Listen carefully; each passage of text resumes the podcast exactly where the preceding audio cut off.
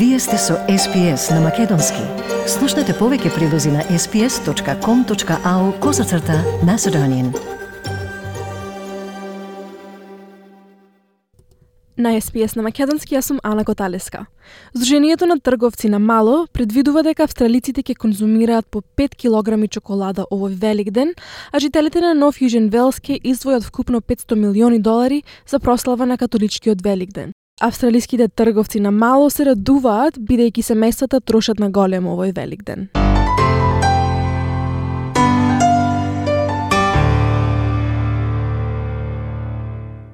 Good Friday is probably one of the busiest days for us. So it's one of the only weekends of the whole year where the Friday and Sunday are busier than the Saturday.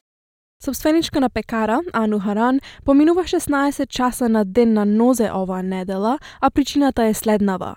Таа пече топли лепчиња за да ја задоволи огромната побарувачка од незините клиенти. The food's amazing, amazing. The bakery is just out of this world, and I love everything they bake. Ова е првиот велик ден без ограничувања за 36 годишниот пекар. Госпокица Харанија замени кариерата во маркетинг за да го отвори својот бизнес Flower Shop во Турамура во Сиднеј пред две години.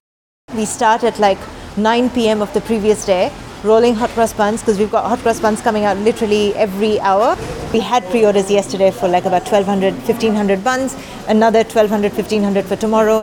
Госпогица Харан се преселила во Австралија од Индија во 2018 година и вели дека може би незината љубов кон индиските зачини е незината тајна на успехот. So it's soaked in chai spices, and so it's the fruit itself has flavor. So it's like plum juicy fruits in a soft bun. Like what more could you want? And our glaze is also spiced. It's apricot reduced down with some orange. It's it's it's pretty special. Госпогица Харане е една од 135 илјади трговци во Австралија кои можат да земат здив овој велик ден. Асоциацијата на австралиски трговци очекува продажбата да се зголеми, додека австралиските семејства се собираат и слават со храна и подароци. Извршниот директор по Захра објаснува дека се очекува австралиците да потрошат околу 1,5 милиарда долари на храна, затоа што овој велик ден го означува првиот празник што семејствата може да се соберат од почетокот на пандемијата. We're expecting this to be a, a rip roar of an Easter trading period. This Easter, we expect Australians to spend about $1.5 billion on food, which is predominantly chocolates and, and hot cross buns, because it's the first opportunity for most families to get together since the pandemic had started. Здружението на трговци предвидува дека австралиците ќе конзумираат по 5 килограми чоколада овој велик ден, а жителите на Нов Јужен Велс ќе бидат најголеми потрошувачи, кои ќе потрошат вкупно 500 милиони долари или 104 долари по човек. Сето тоа е добра вест за Пол Адам, втора генерација ко-собственик на чоколатеријата Дуплеси Прейлин. Тој вели дека австралиците повторно патуваат, посебно за Перт и Квинсленд, и земаат сладки со себе. There's been a lot of chocolate going to, particularly to Perth and to Queensland as well. Finally, people are getting to see their families. 50% of the annual turnover uh, is definitely there from Easter, and the profits are quite good too. Таткото на господин Адам, кој од француско потекло научил да прави чоколада во Швајцарија и ја отворил првата семена продавница во Сиднеј во 1961 година. Тој вели дека нивната тајна на успехот е квалитетното чоколадо и добрата услуга. It's the quality of the chocolate that we make. Every customer is important to us.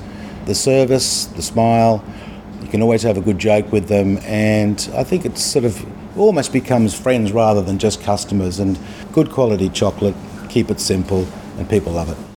Сепак не е се до традицијата.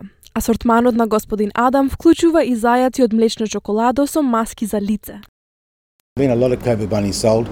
I think this year people are asking if they can have it. I thought it might be a bit, a bit worn out, but apparently they all wanted Со оглед на тоа што трошењето се очекува да продолжи и следната недела, пекарот Ану Харан вели дека не слават само семејствата.